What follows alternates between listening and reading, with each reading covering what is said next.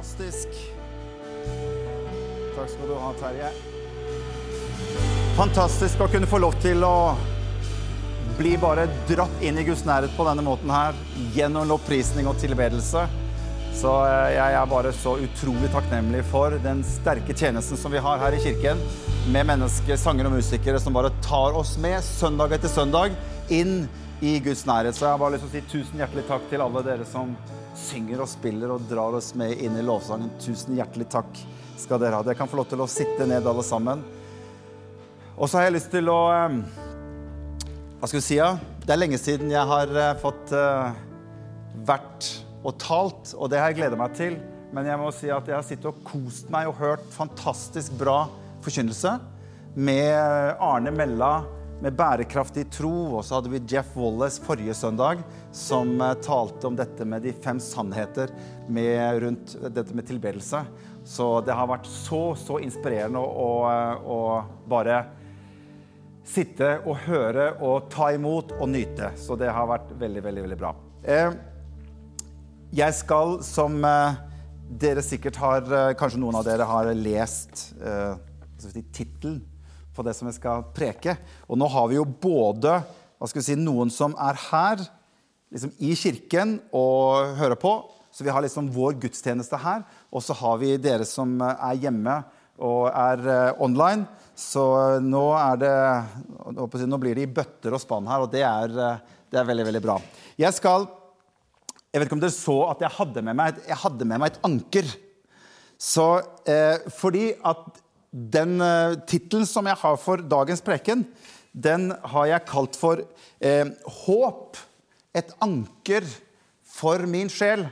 Så jeg skal komme tilbake til dette ankeret her litt uh, etterpå. Men uh, bare liksom, all verden er det han har uh, dratt med seg på gudstjeneste i dag. Men det her er et anker, så det skal vi komme litt tilbake til etterpå. Men jeg skal si litt om, jeg skal si litt om dette med, med håp. Eh, og jeg har litt lyst til å sette litt sånn perspektiv rundt det som har med, med håp å gjøre. Fordi at hvis det er en tid som jeg tror at vi trenger håp, så er det i dagens tid. Den verden vi lever i i dag, hvis det er noe som menneskene roper etter, hvis det er noe som menneskene lengter etter, hvis det er noe mennesker er urolig om, så er det dette med at man savner håp. Og Det er jo fordi at vi lever i en veldig vanskelig tid. Vi lever i en utfordrende tid. Og mange mennesker føler seg usikre. Mange mennesker er uvitende om hva skjer framover. Hva kommer til å skje i morgen? Hva, hva, hva skjer med oss? Og ikke bare liksom, nå, nå, nå, tenker vi, Jeg har jo aldri tenkt så mye globalt som jeg gjør nå. Altså, Jeg bor jo vanligvis i Norge og forholder meg liksom til Norge og kanskje Sverige. og litt annet. Liksom. Men jeg er jo nordmann og forholder meg til her. Men plutselig nå så er vi liksom litt sånn, nå tenker vi liksom hele verden. Hva, hva, hva, skjer med oss over hele verden? Og hvis det er noe verden, hvis det er noe folk trenger i dag, så er det håp. Og jeg har lyst til å dele litt rundt det som har med håp å gjøre. Både på den litt menneskelige siden, men jeg har også lyst til å snakke om håp ut fra et guddommelig perspektiv. Jeg har lyst til å dele litt om håp ut ifra hva er det Bibelen snakker om når det gjelder det med håp. Og Håper du, håper, håper der kommer første ordet. Det er sånn der utrolig når du liksom skal snakke om et eller annet, og så bruker de de ordene. Vi bruker det så utrolig mye, og så kanskje tenker vi ikke helt hvordan vi liksom forholder oss til disse ordene her. Men jeg har skrevet her Hvordan kan vi leve med håp i en sånn verden og i en sånn tid som vi lever nå? Uvisshet, det å ikke vite hva som skal skje i morgen, gjør at vi trenger håp. Det å ikke vite hva som skal skje, gjør at håpet får en mulighet til å kunne være en virkelighet i livene våre. Hvis vi vet alt, ja, da, da trenger vi heller ikke noe håp. Håpet er jo for at du og jeg ikke alltid vet. Da har håpet en enorm mulighet og en plass til å kunne få lov til å fungere. Og Gud er jo håpets gud. Gud er jo ikke sånn at når du blir kjent med Gud, så vet du alt. Du kan alt. Du vet akkurat hva som skal skje i morgen. Du vet akkurat hva som skal skje fem år fra nå. Da hadde ikke Gud trengt å være håpets Gud. Da hadde vi visst alt. Og det er litt det som han, han Paulus han sier noe i, i Romerne kapittel 8 vers 24. Så sier han egentlig at 'et håp vi alt ser oppfylt', sier han. Det er jo ikke noe håp. Så Gud fungerer jo egentlig ut ifra at han er håpets Gud. som gjør at han ønsker ikke at vi alltid skal vite alt, forstå alt, være sikker på alt, forutse alt. Men han ønsker å være en håpets gud midt i livet vårt. Og han ønsker å være en håpens gud midt i den verden vi lever. For han ønsker å være en håpets gud. Og det syns jeg er en det synes jeg er en sånn spennende tanke at han kaller seg selv for håpets gud. Og da tenker jeg, da må det være en forskjell på det håpet han har å tilby, og det håpet som du og jeg vanligvis hva skal vi si, menneskelig sett snakker om. Og det er noe av det som jeg har lyst til å, å, eh, å si litt om. Eh, jeg, lyst, jeg, jeg, googlet litt på det her ordet håp for å prøve å finne en slags form for sånn hva, tenker, hva, hva, skriver folk hva håp er? Og da blir det ofte litt sånn Når du googler uh, hva er håp, eller hva betyr håp, så dukker det opp sånne vanlige sånn forklaringer om hva hva håp er. Og da fant jeg en ganske eh, fin eh, beskrivelse som jeg har bare skrevet ned. Og der sto det at Jeg syns den er fin.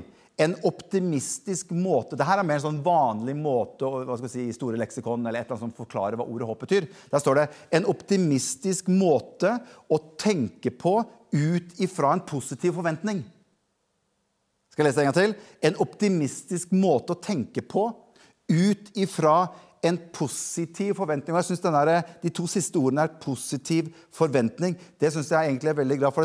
For jeg tror at håp, det er noe positivt. Håp har noe framtid i seg. Håp er noe som gjør at man strekker seg etter noe som hva skal vi si, er bedre enn det jeg har nå.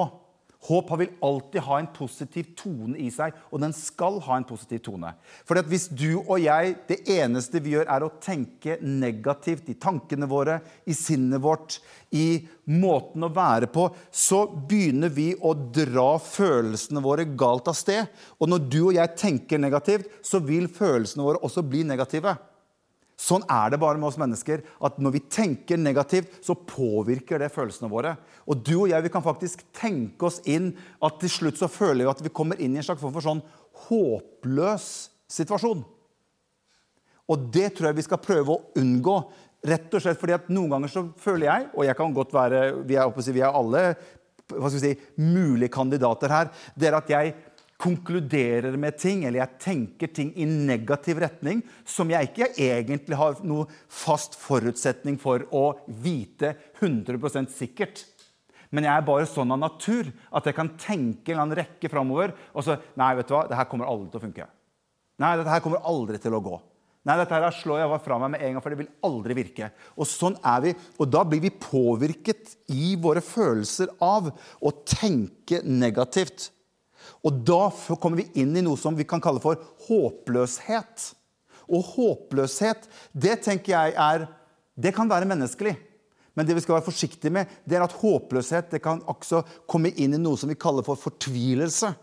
Og Noen ganger så sitter jeg og snakker med mennesker som er fortvilet. Det er når håpløs situasjon eller en håpløs sammenheng har gått over i at jeg begynner å bli fortvilet. Å bli, å bli fortvilet eller komme inn i fortvilelse, det vil Bibelen kalle for det er synd. For da resignerer jeg selv i min situasjon. Jeg gir avkall på all mulig mulighet for Gud og omgivelsene til å kunne gjøre noe med det. Jeg bare resignerer totalt. Og det er Bibelen veldig klar på. At fortvilelse, det er ikke noe Gud ønsker at vi skal være i.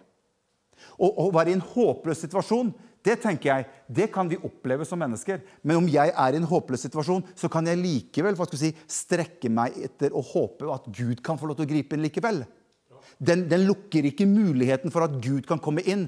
Men fortvilelse stenger bare døren og sier at nå er det over. Nå er det finito. Det er ikke mer håp.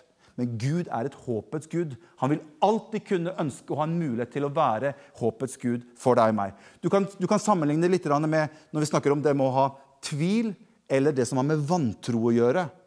Det å tvile, det er menneskelig. Jeg og du, vi tviler av og til. Og Bibelen omtaler tvil som noe som er latent til oss som mennesker å kunne hva skal vi si, gjøre og erfare. Men vantro, det blir det samme som fortvilelse. Det er når tvilen går over og utelukker totalt. At nå er det ingen mulighet lenger. Det er vantroens ånd som Bibelen snakker om. Og det gjør at Gud ikke lenger får lov til å være den han er i din og min situasjon.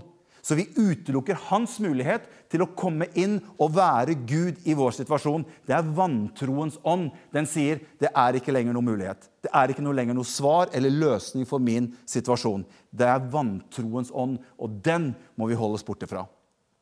Så vi kan være i håpløs situasjon, men vi kan likevel Gud, Gud, nå må du komme med, med, med, med ditt håp. Ok. Derfor så trenger vi guddommelig håp. Det er veldig viktig at vi skjønner forskjellen på si, det som har med, med menneskelig håp og, og, og, guddommelig håp. Eller et annet ord jeg, jeg, har skrevet en definisjon på guddommelig håp. En, en, en, annen måte er på en måte en hva skal vi si, guddommelig eller inspirert håp. Eller noe som Bibelen snakker av og til om. Han snakker om dette med en hellig overbevisning. snakker Bibelen om. Og jeg elsker når Paulus han nevner dette ordet flere ganger i brevene sine. Han snakker om dette med å være overbevist om. Og det ordet 'overbevist' det er noe mer enn bare at liksom jeg håper menneskelig på at været skal bli godt i morgen. Eller jeg håper at tentamen eller eksamen går bra. Det ordet 'overbevist' her, det er det som har den samme karakter i seg som guddommelig håp. Og Paulus han snakker om dette med å være overbevist, og han sier noe utrolig bra i 2. Timoteus 1 og vers 12. Der sier han, 'Jeg er helt overbevist om', sier han, 'at han har makt til å ta vare på det som er blitt betrodd meg', helt til dagen kommer. Så denne overbevisningen her, det er det du kan legge som, på en måte, som fundament på hva guddommelig håp er for noe. Det å være overbevist om at han er større enn min situasjon. Du kan være overbevist om at det han står for, kan få lov til å gripe inn i mitt liv, inn i min situasjon. Og det er det Paulus snakker om. Han var hellig overbevist. Og det er det hva skal jeg si, som klinger når vi snakker om guddommelig håp. Det å være helt overbevist. Så så går Paulus, han, Når han skriver eh, dette brevet til romerne, som vi har, og som jeg har vært lenge i nå, og som eh, dere vet at vi har vært lenge i, så går Paulus og så forklarer han dette her med hvordan er det guddommelig håp fungerer i forhold til menneskelig håp. Og Jeg har lyst til å bare vise deg noe som står i Romerne kapittel 4 og vers 18. Og det her er veldig veldig bra. Romerbrevet kapittel 4 og fra vers 18. Nå er det lenge siden jeg preka, så nå går tiden veldig fort. Men jeg må, skal speede litt opp her. Se hva Paulus skriver. Han skriver dere husker Abraham, og Gud hadde talt til han at han skulle få barn med Sara. Og Situasjonen var ganske umulig i utgangspunktet, for eh, ekteparet Abrahamsen de var ganske gamle. Sånn at sånn menneskelig sett så var dette her et umulig oppdrag. Så Gud kommer inn i bildet, og så forklarer Paulus hvordan guddommelig håp kan fungere inn i livet. Så sier han fra vers 18.: og dette her snakker han om Abraham. Så sier han selv om alt håp var ute, holdt Abraham fast på håpet og trodde, står det. Når du leser, når du leser det sånn som det, så tenker jeg ja, men hadde han ikke gitt opp alt håp? Jo, det står jo det. Alt håp var ute, holdt Abraham fast på håpet og trodde. Og derfor ble han far til mange folkeslag, som det var sagt han. Så tallrik skal ætten din bli. Hva er det som skjer her? Det står to ganger håp. Alt håp var ute. Likevel håpet Abraham. De to tingene der, det er det som er forskjellen mellom menneskelig håp og Guds håp. Menneskelig håp Jeg kan håpe på godt vær i morgen, men det er ingen mulighet for meg å påvirke været i morgen en eneste centimeter. Det er menneskelig håp. Jeg kan håpe på det, men jeg har ingen påvirkning, jeg har ingen innvirkning på det. i hele tatt. Men guddommelig håp det har en innvirkning på min situasjon. For det virker ikke ut ifra meg, men det virker ut ifra Gud. Så når, Abraham sier, når Paulus sier at alt håp var ute, ja, menneskelig sett, men Abraham hadde lært seg noe mer. Han hadde lært seg at det fins et guddommelig håp. Og så står det faktisk her at han holdt fast på håpet og trodde. Hvorfor ble han far til mange folkeslag? Det står litt nedi her. Som det var sagt til Abraham. Så når Gud hadde talt til Abraham at du skal få en sønn, så holder Abraham fast på det Gud hadde sagt. Det er det som ga håp til Abraham, og det er det Abraham holder fast på. For han sier midt i sin situasjon, midt i sin umulighet, så sier han ja, men Gud har sagt. Og det er det som er forskjellen på menneskelig håp og Guds håp. Så når Abraham holder fast på at Gud har sagt noe, så er det det som står fast. Men hvis han slipper det, så får ikke Guds mulighet og Guds håp mulighet til å kunne virke. Og så står det videre. Jeg syns det er veldig bra. Henger det med fortsatt her? Bra. Vers 19. For det står videre i vers 19, ja. Han var nesten 100 år. Men likevel ikke svak i troen da han tenkte på sin egen kraftløse kropp og Saras døde morsliv. Så Abraham han er ikke blind for status quo. Det er han ikke. Han ser jo problemet. Han ser jo utfordringen. Altså, hans egen fabrikk var jo totalt lagt ned. Og han ser jo det at Sara ja, Det er jo ikke sikkert at det er så veldig mye liv der heller. Så han, han, skjønner det, og han ser og han er åpen på hva som er hva skal si, den umulige situasjonen han er oppi. Men det som jeg synes er så bra, det står at men han tvilte ikke likevel på Guds løfte. Så omgivelsene hans så helt håpløst ut. Så hadde Gud sagt noe annet, og han holder fast på det. Og han tvilte ikke på Guds løfte, men han ble heller sterk i troen. Og så står det 'og ga Gud ære'. står det. Og Det der syns jeg er så fantastisk. For det står faktisk at når han står midt i en vanskelig situasjon, og svaret på bønn ikke har kommet ennå, og det virker som at alt er umulig, så kan, Gud, så kan Abraham i hvert fall gjøre én ting. Det er at han kan gi Gud ære midt oppi når det er som vanskeligst og tøffest. Og det tenker jeg, det vet vi at vi kan gjøre alltid. Derfor står det 'under alle forhold'. står det, Gi Gud ære. Så når vi er i en situasjon som er vanskelig, eller som vi opplever er utfordrende, eller vi kan oppleve at ting er håpløst, så er det én ting vi kan gjøre alltid som Guds barn. Det er at vi kan gi Gud ære. Under alle forhold gi Gud ære. Er det bra? Og så står det videre i vers 20 Abraham var en bra fyr. Det står at han var ikke vantro og tvilte ikke på Guds løfte, men ble sterk i troen og ga Gud ære. Ja, for han var overbevist. Det var verset vi har lest nå. Bra. Så du ser Abraham sitt fokus det er at han holder fast på det som Gud hadde sagt han. Jeg har ikke sett løsningen enda, men mitt fokus er å gi Gud ære. Og så holder jeg fast på hva han har sagt til meg. For så mange som Guds løfter er, i Kristus har de fått sitt ja og sitt amen. Derfor sier vi til Guds ære Amen! Det skal skje skje. Der har du koblingen mellom å se at Gud kan virke inn. Og jeg synes Det var så fantastisk det som Jeff snakket om forrige søndag. Dette med å gi Gud ære og tilby Gud som en livsstil. Når ikke du vet om noe annet, gi Gud ære. I hvilken som helst situasjon, gi Gud ære. Når Paulus og Silas er i fangehullet, og de er fengslet og de sitter der nede, så ga de Gud ære midt i en håpløs situasjon. Det åpner det sånn at Guds kraft og Guds løsning kan komme inn. Og jeg må begynne å forte meg videre her. Og jeg har skrevet her Guddommelig håp forholder seg ikke til våre omstendigheter, men til hvem Gud er, og hva han er i stand til å gjøre. Den er god. Guddommelig håp forholder seg ikke til våre omstendigheter, men til hvem Gud er, og hva han er i stand til å gjøre. Derfor så sier Hebrebrevs forfatter, og det er derfor jeg har kalt denne talen min for, for et anker for min sjel. For Hebrevets forfatter han sier i kapittel 6 og vers 19 så sier han Jeg skal vise, jeg skal få dette her ankeret her. For nå har, vi snakket om, vi snakket om dette med håp. Og Hebrevets forfatter han sier noe som så. Han sier at Fra vers 19 så sier han 'Dette håpet', sier han. Jeg syns det er fantastisk. Dette håpet ikke det menneskelige håpet, men det guddommelige håpet.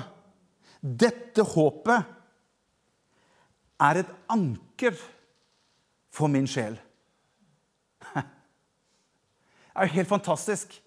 Hva betyr, hva er, det, hva er det, Hvis vi sier at det er Paulus da som har skrevet det brevet, brevet, hva er det Paulus mener når han skriver at dette håpet Hva er håpet for noe? Jo, det er dette ankeret her. Jeg skal løfte opp. Det er, ikke, det er ikke mer enn 45 kilo, så det går bra. Dette håpet her, det identifiserer hvem Gud er.